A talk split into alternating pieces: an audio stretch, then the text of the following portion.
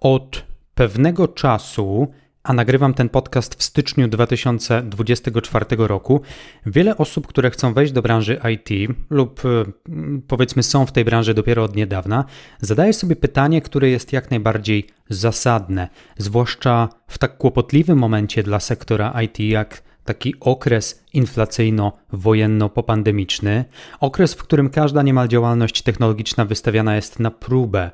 Mianowicie pytamy samych siebie wprost, jak obecnie wygląda rynek pracy w IT? Czy pracę rzeczywiście znaleźć trudniej? No bo jeśli tak, to w sumie od czego to zależy? I co my, specjaliści, PM-owie, możemy tak naprawdę zrobić, żeby pracy szukać skuteczniej? Czasy są rzeczywiście niepewne. Świadczy o tym chociażby fakt, że słowem, które w zeszłym roku odmieniane było przez niemal wszystkie przypadki, była recesja. Abstrahując jednak od ekonomii, gdy ktoś się do mnie zgłasza mówiąc: Mariusz, nie mogę znaleźć normalnej roboty dla PM od ponad pół roku albo od roku. Odpowiadam: nie lękajcie się. I choć jakiś czas temu przestałem być osobą wierzącą, to wciąż lubię cytować zwłaszcza jeden fragment Pisma Świętego, który mówi, że kto szuka, ten znajdzie. Dlatego dziś powiemy sobie nie o tym, jak znajdować, ale o tym, jak poprawnie szukać. Szukać pracy oczywiście. To jest Bycie jak menadżer, podcast, epizod 49. W wieku 16 lat wiedziałem, że chcę robić wybitne rzeczy w gronie wybitnych specjalistów. Zostałem więc menadżerem i choć zarządzanie to niełatwy kawałek chleba, uczę, jak to robić na najwyższym poziomie. Jestem Mariusz Najwer, a to mój podcast o zarządzaniu w IT. Dzień dobry. Wiem, że stali słuchacze to wiedzą, ale za każdym e, razem i z każdym nagraniem słuchaczy jest coraz więcej. Dlatego przypomnę, jeśli być może, być może jesteś tutaj po raz pierwszy, ten podcast kieruje do szeroko pojętej kadry menedżerskiej w IT, project, product oraz delivery menadżerów, scrum masterów czy chociażby analityków biznesowych. Jeśli z dzisiejszego podcastu wyciągniesz coś wartościowego dla siebie, to też zachęcam, żeby rozważyć zapisanie się na mój newsletter na blogu bycijakmanager.pl.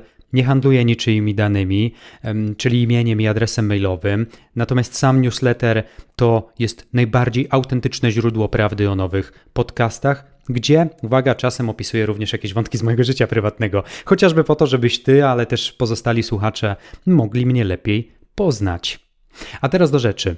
Dlaczego w ogóle postanowiłem poruszyć temat poszukiwania pracy? Z kilku powodów. Po pierwsze, Często słyszę to pytanie w czasie moich konsultacji menedżerskich, na które zresztą można się zapisać również na moim blogu byciakmenadżer.pl.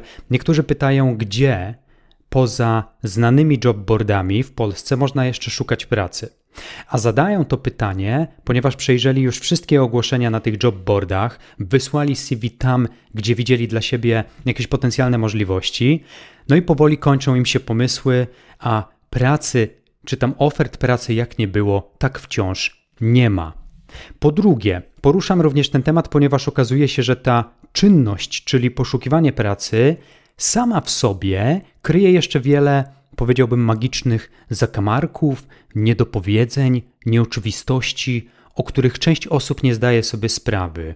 Innymi słowy, nie taki diabeł straszny, jak go malują, no tylko czasem trzeba umieć go dobrze rozbroić. Im więcej poznasz sztuczek w poszukiwaniu pracy, tym skuteczniej zaczniesz to robić. I jest jeszcze trzeci powód, który dotyka w sumie obecnych realiów rynkowych. Wspomniałem we wstępie, że recesja szeroko pojęta, globalna, daje się we znaki. Jeszcze kilka lat temu na jedno stanowisko menedżerskie aplikowało przykładowo 50 project managerów, a dziś na to samo stanowisko zaaplikuje już nie 50, a 150 kandydatów. Z jednej strony przeraża trochę skala trudności, jakiej dotknęliśmy, e, jakiej, do, do, do jakiej doszliśmy w poszukiwaniu pracy, ale z drugiej strony nie ma co płakać nad rozlanym mlekiem. Trudna sytuacja powoduje, że w tych poszukiwaniach musimy być po prostu coraz bardziej kreatywni. Dzisiejszym podcastem podpowiem Ci też więc kilka takich kreatywnych zagrywek, które mogą pomóc w wyróżnieniu się na tle setek innych kandydatów, z którymi walczysz o to lub inne stanowisko pracy. Podzielę ten odcinek na trzy krótkie części, żeby łatwiej było go przyswoić, skonsumować itd. Tak w pierwszej części opowiem, gdzie szukać pracy. W drugiej części podpowiem, jak szukać pracy, jak docierać do rekruterów albo osób, które mm, są potencjalnie w stanie zaproponować nam jakąś współpracę. A na końcu, w części trzeciej, przestrzegę przed tym, jakich błędów należy w szczególności unikać w czasie poszukiwania pracy. To, o czym na pewno nie powiem, to na przykład jak przygotować się do rozmowy kwalifikacyjnej. Był o tym cały podcast, epizod numer 46. Nie opowiem też, jak przygotować skuteczne CV, a to dlatego, że o tworzeniu CV również nagrałem podcast, epizod numer 40. Prześwietlałem wtedy najczęściej popełniane błędy w trakcie tworzenia tego dokumentu, który jest de facto naszą wizytówką. Także odsyłam do tamtejszych podcastów. Myślę, myślę, że warto, jeśli nie miałeś, nie miałaś okazji jeszcze ich wysłuchać. No to dobra, lećmy zatem. Część pierwsza. Gdzie szukać pracy? Myślę, że na pierwszy ogień wezmę specjalistyczne portale branżowe No Fluff Jobs, Just Join IT. Tak się obecnie kształtuje polski rynek, że to są dwa najpopularniejsze jobboardy akurat dla branży IT w Polsce.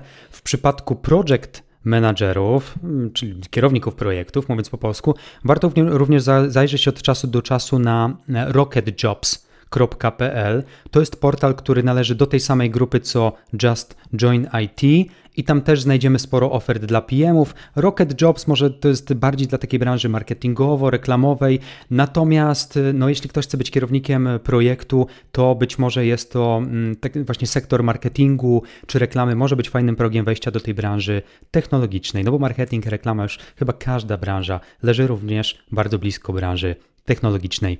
Dobrą bazą ogłoszeń, chociaż myślę, że nie jest to portal pierwszego kontaktu i pierwszego wyboru, może być też pracuj.pl. Portale zagraniczne, drugie takie miejsce, zwłaszcza jeśli znasz język angielski i chcesz porozglądać się za pracą za granicą, to polecałbym oczywiście serwisy Indeed, Glassdoor albo Gumtree.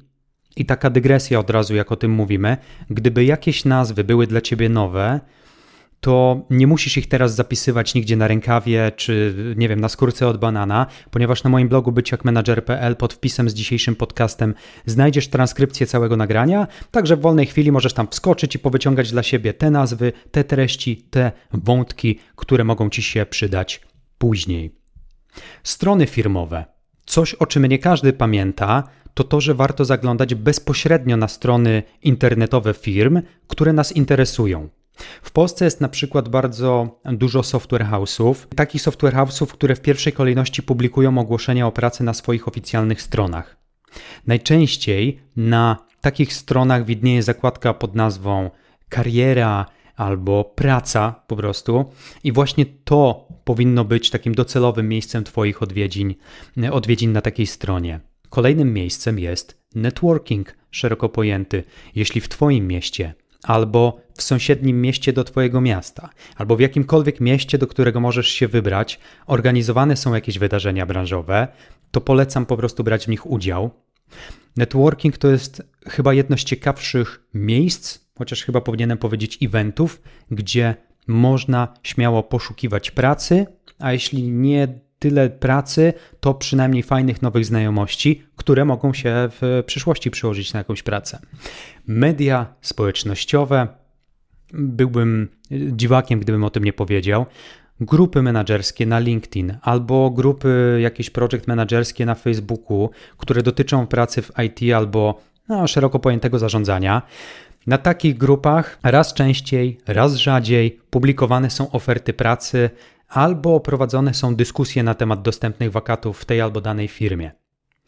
I kolejne miejsce, taki obszar, mm, o którym warto pamiętać, to są rekomendacje. Czasem Chociaż może się to wydać mniej skuteczne, dobrym źródłem wiedzy o wolnych miejscach pracy, nawet w branży IT, mogą być paradoksalnie nasi znajomi, rodzina albo przyjaciele. Podam przykład sprzed lat, chociaż on jest kompletnie niezwiązany z branżą IT, ale zaraz wyjaśnię, dlaczego go podaję. Gdy byłem jeszcze młodym podlotkiem, miałem może 20 lat i studiowałem dziennikarstwo muzyczne, za cholerę nie wiedziałem, jak dostać pracę w jakiejś redakcji. Pamiętam, że opowiadałem wszystkim dookoła, znajomym, przyjaciołom, rodzinie, że chcę być dziennikarzem, ale nie mam za bardzo doświadczenia, więc ciężko mi znaleźć pracę. Także będę próbować nagrać sobie najpierw chociaż jakieś praktyki. I pewnego dnia zadzwonił do mnie mój szwagier, mąż mojej siostry, który na co dzień prowadzi swój warsztat samochodowy. I w słuchawce słyszę od mojego szwagra taką oto historię. Słuchaj, przyjeżdża do mnie czasem taki gość naprawiać auto na warsztat i w sumie przypadkiem jak z nim rozmawiałem, to wyszło, że on pracuje w Gazecie Wrocławskiej. Jest tam jakimś sekretarzem redakcji czy, czy kimś podobnym, nie pamiętam. W każdym razie, jak dowiedziałem się, że on pracuje w gazecie, to przypomniałem sobie, gdy mówiłeś ostatnio o tym, że będziesz szukał praktyk w jakiejś redakcji. No to zagadałem do tego ziomka i on, jak usłyszał, że mój szwagier, czyli ty, studiujesz dziennikarstwo, no to słuchaj, on cię naprawdę zaprasza na praktyki do tej gazety. Koniec historii jest taki, że umówiłem się na spotkanie z tym człowiekiem, dostałem praktyki w dziale kultury, jeszcze wtedy dziennika Polska The Times, Gazeta Wrocławska. Po praktykach zostałem ich dziennikarzem i w ten sposób wskoczyłem do branży medialnej, z którą zresztą sympatyzuję do dzisiaj. Niby tylko praktyki, niby tylko drobne polecenie mojego szwagra, ale to, co działo się potem, ukształtowało moją dalszą karierę zawodową. Przytaczam ten przykład, pomimo że dotyczy całkiem innego zawodu, żeby pokazać, że nigdy nie wiemy, kto kogo tak naprawdę zna, albo pozna, albo spotka i jakie sytuacje dzięki naszym przyjaciołom albo rodzinie możemy stworzyć. Dobra, opowiedzieliśmy sobie, gdzie szukać pracy w IT, to teraz skupmy się na tym, jak to dobrze robić. Przede wszystkim to musimy uzbroić się w mocne karty, jeśli chcemy wejść do tej gry o pracę w branży menedżerskiej IT. O jakich mocnych kartach mowa? Szkolenia lub certyfikaty. Polecam, ale tylko polecam, jakby tutaj nie cisnę, polecam rozważyć zdobycie jednego albo dwóch certyfikatów z zarządzania projektami. Jeśli akurat chcesz być kierownikiem projektu, bo jeżeli kierownikiem produktu, no to analogicznie szukaj takich certyfikatów, które dotyczą tej roli, do której chcesz się, y, na, na którą będziesz aplikować.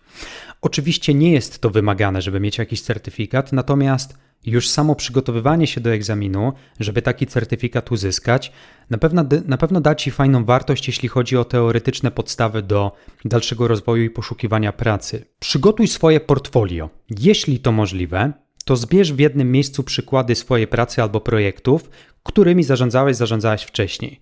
To może być portfolio zarówno w pliku PDF, może to być również jakaś prosta strona internetowa postawiona na jakiejś darmowej albo po prostu taniej, taniej domenie gdzieś na WordPressie.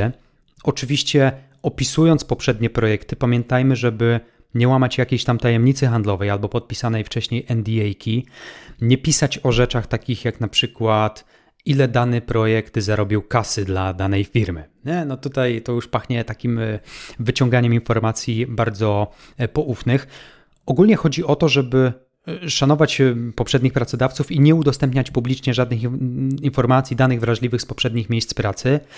Natomiast wystarczy w zupełności kilkuzdaniowy opis danego projektu, czego dotyczył, dla kogo był robiony, no i jak się zakończył lub w jakiej kondycji po prostu był projekt, kiedy ty z niego odchodziłeś, odchodziłaś, jeśli projekt trwa do dzisiaj.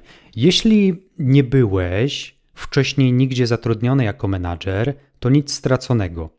W ramach projektów opisz po prostu inne aktywności, których się podejmowałeś na jakiejś tam przestrzeni czasu. Na przykład organizacja jakichś imprez, udział w wydarzeniu charytatywnym, praca non-profit na rzecz jakiejś lokalnej fundacji, wszystko to, co może o tobie powiedzieć więcej jako osobie ogarniętej, dobrze zorganizowanej, kreatywnej, warto wpisać do swojego portfolio. Nawet jeżeli nie jest to praca stricte kierownicza. Kolejnym takim, y, y, y, kolejną mocną kartą, o której chcę powiedzieć, to jest zbudowanie prezencji online. Ja to nazywam prezencją online, nie wiem czy ten zwrot się gdziekolwiek pojawia. Wyjaśnię może najpierw, co rozumiem pod pojęciem prezencji online. W dosłownym tłumaczeniu mojej myśli Chodzi o to, w jaki sposób prezentujesz się światu za, za pośrednictwem internetu. I to jest taka jakby najbardziej ogólna, ale też najbardziej właściwa definicja prezencji w sieci, a takową prezencję jeszcze przed rozpoczęciem poszukiwań pracy możesz budować na kilka sposobów, a najlepiej korzystając z każdej z tych możliwości, o której właśnie opowiem. Przede wszystkim aktywne uczestnictwo w dyskusjach mm, na temat zarządzania. To jest najprostszy i prawdopodobnie najszybszy sposób, żeby zwiększyć swoją widoczność w sieci, widoczność jako specjalisty. Wchodź na fora dyskusyjne, czytaj, komentuj wpisy różnych specjalistów, staraj się nawet prowokować dyskusję, żeby prowadzić polemikę i oczywiście wyrażać swoje opinie.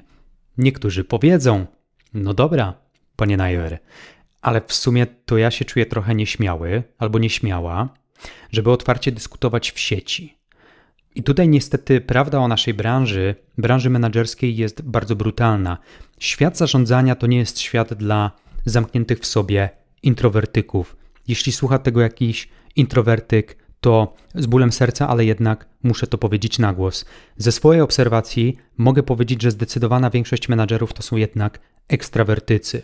Ekstrawertycy, którzy zwyczajnie lubią rozmawiać z innymi mm, i, i też mm, nie, nie, nie, nie kryją nie tyle swoich emocji, co są nawet bardzo wylewni e, w, e, w, tym, w tym, e, jak się komunikują z drugim człowiekiem. Także jeśli wchodzenie w interakcję z drugim człowiekiem sprawia ci potencjalnie jakieś problemy, być może zawód kierowniczy nie do końca jest zawodem dla ciebie. Nic nie sugeruję, ale podpowiadam, żeby to po prostu sprawdzić na sobie.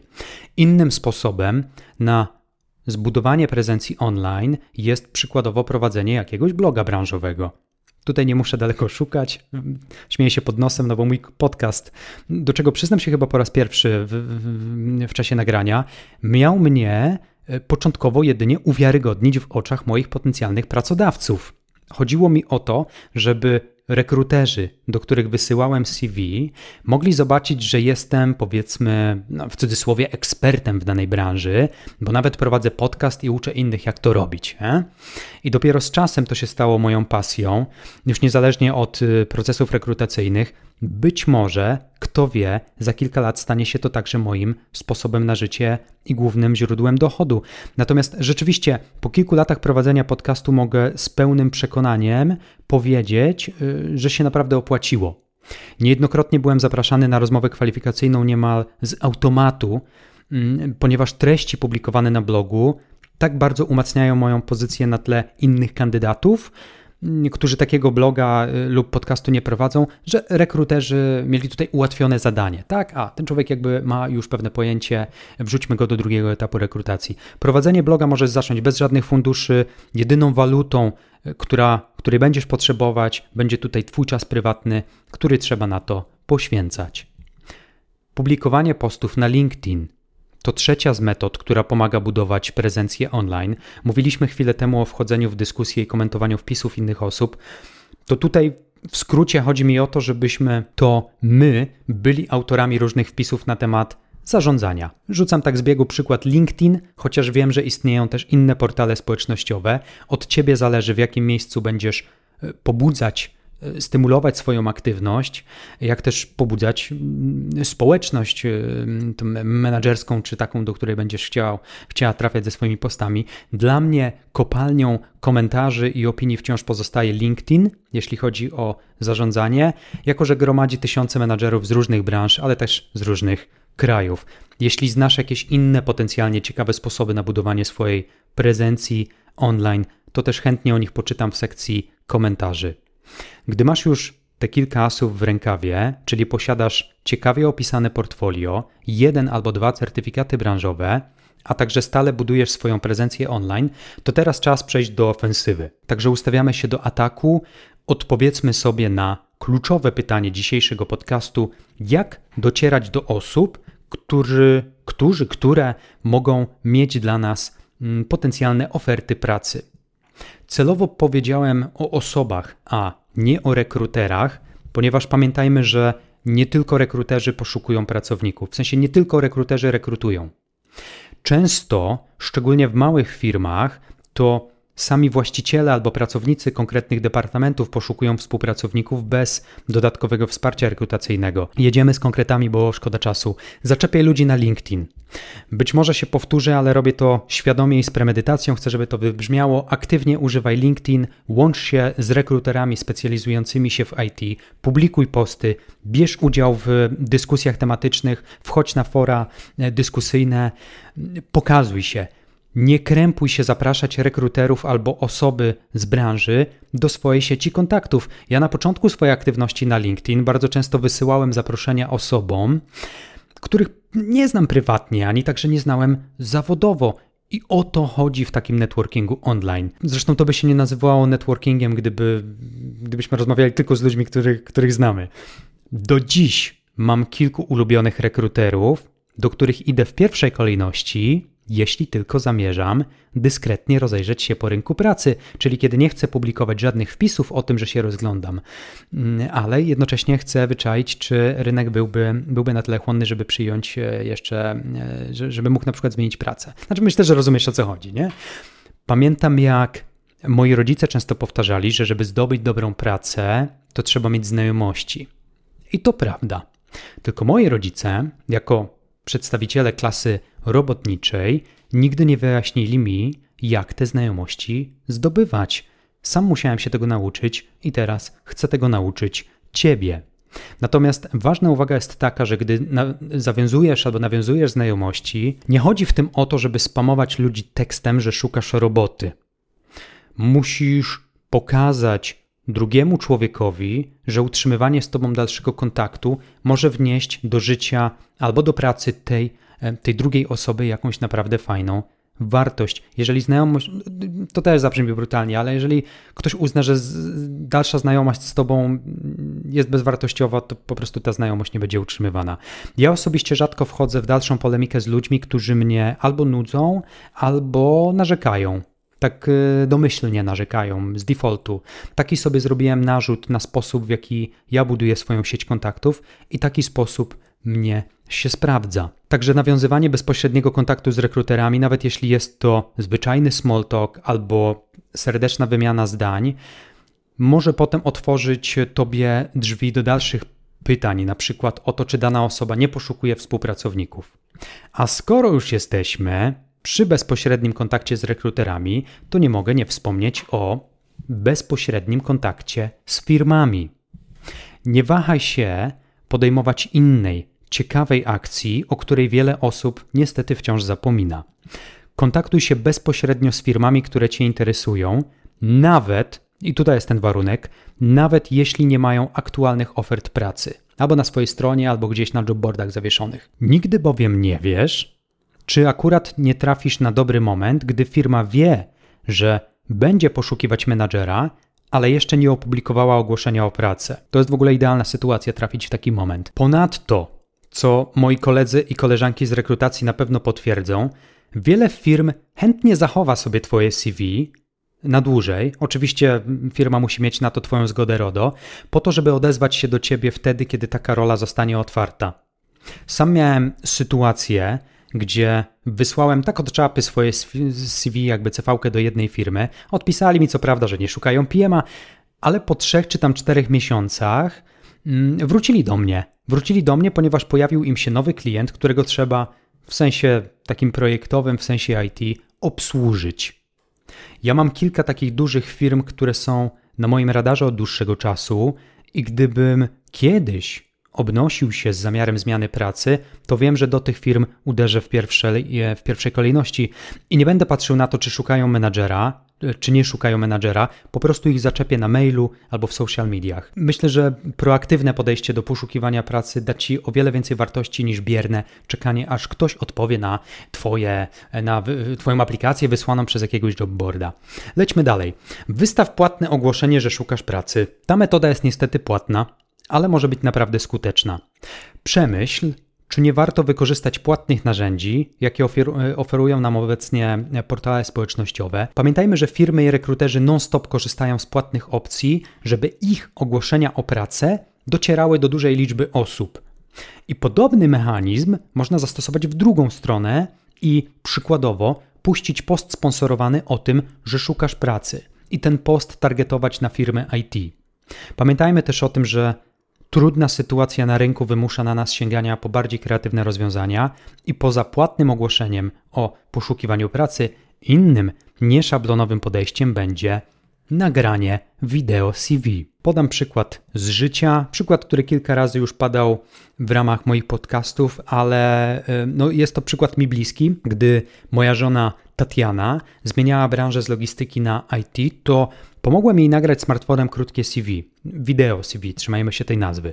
Chodziło o to, żeby stanąć przed kamerką, powiedzieć kilka zdań o sobie, o swojej motywacji, o swoim doświadczeniu i zaprezentować się po prostu jako osoba kreatywna, ale też pełna entuzjazmu i zaangażowania w to, co chce robić. Nie? To nagranie, naprawdę bardzo prosto zmontowane, nagrane telefonem, Tatiana wrzuciła na swój LinkedIn i po tygodniu miało ponad 20 tysięcy wyświetleń. Zanotowało też ponad 100 komentarzy pod filmem, głównie od rekruterów i osób z branży technologicznej, z branży, w której Tatiana nie miała wtedy absolutnie żadnych znajomości. No, poza jakby swoim mężem, czyli mną prawda? Natomiast w efekcie tego krótkiego filmu, czyli tej jednorazowej akcji, moją żonę zaproszono na kilka rozmów kwalifikacyjnych, z czego jedna okazała się strzałem w dziesiątkę. No i co? Wystarczyło tylko kreatywne podejście, które nie kosztowało nas ani grosza, ponieważ każdy ma już smartfon z funkcją nagrywania, natomiast zmontowanie prostego filmiku też już nie powinno być wyzwaniem przy naprawdę tylu darmowych narzędziach dostępnych na wyciągnięcie ręki.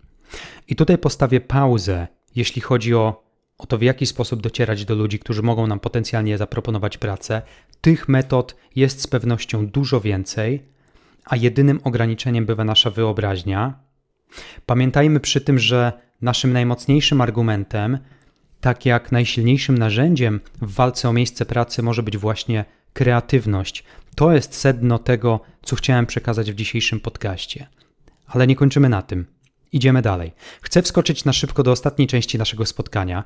Pozwól, że opowiem jeszcze tak w telegraficznym skrócie o tym, jakich błędów unikać w czasie poszukiwania pracy w IT. Brak jasno określonego celu. Często spotykany błąd, żeby go uniknąć, upewnij się przed samym sobą albo sama przed sobą, że wiesz, jaką rolę chcesz pełnić i jasno to komunikuj na zewnątrz, czyli w swojemu otoczeniu. Wiem, że to czasem bywa trudne, a wiem to głównie od osób, które zapisują się na moje konsultacje menedżerskie, ponieważ ciężko tym osobom zdecydować się, czy bardziej pasują na przykład do roli kierownika produktu, czy product ownera, a może delivery managera.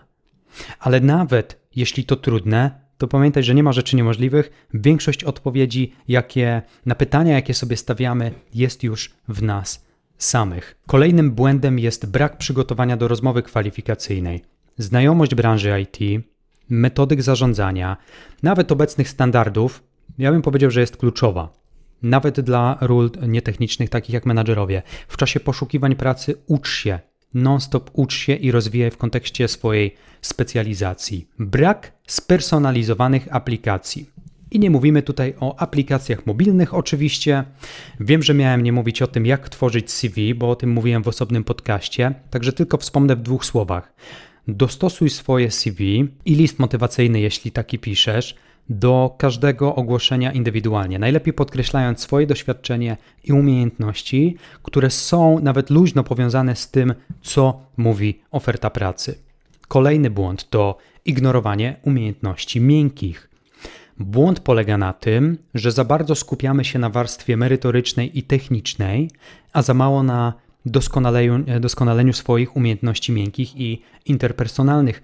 Komunikacja, zarządzanie zespołem, rozwiązywanie problemów, umiejętność radzenia sobie ze stresem to są kluczowe umiejętności w IT i to te umiejętności będą oceniane jako pierwsze, zwłaszcza na stanowisku menedżerskim Niejednokrotnie mm, y, y, prowadziłem rozmowy kwalifikacyjne, rekrutowałem menadżerów do swoich zespołów, gdzie człowiek miał ogromną wiedzę merytoryczną i teoretyczną na temat branży IT i zarządzania, ale był kompletnie nieodporny na stres. Y, jąkał się, no może nie tyle jąkał, ale bardzo się stresował.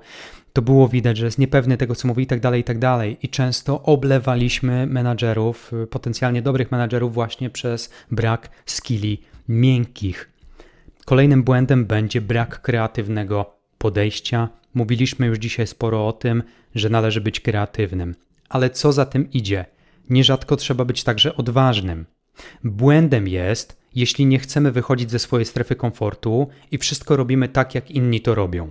Czyli na przykład aplikujemy hurtowo do kilkudziesięciu firm, wziętych z jobboardów, a potem biernie czekamy, aż firmy się do nas odezwą i dziwimy się, że nie wydarza się cud i że nikt do nas nie przychodzi. I ostatni błąd, o którym chcę wspomnieć, to jest unikanie feedbacku albo nie zbieranie feedbacku. Polecam nie popełniać tego błędu, żeby szybciej umacniać jakby swój zestaw umiejętności menedżerskich. Mianowicie, po każdej rozmowie rekrutacyjnej proś i wręcz nalegaj na to, żeby wysłano ci feedback na Twój temat. Nawet jeśli nie dostaniesz pracy. To jest bardzo często cenne źródło informacji na przyszłość dla Ciebie, żeby wiedzieć, nad czym jeszcze e, powinieneś, powinnaś popracować. To tyle na dziś. Robimy pauzę. Pamiętajmy, że do jednego celu, niezależnie od tego, jak bardzo jest ambitny, można dojść na bardzo wiele sposobów. Wybierz taki sposób, który najbardziej ci leży. Wychodź ze swojej strefy komfortu, stymuluj swoją kreatywność, a szybko przekonasz się, że poszukiwanie pracy może być naprawdę łatwiejsze niż myślisz, nawet nawet w niesprzyjających warunkach na rynku ogarniętym recesją. Gdybym mógł jeszcze jakoś pomóc, to zapraszam na konsultację. Dzięki za dziś. Dbaj o siebie i innych. Cześć.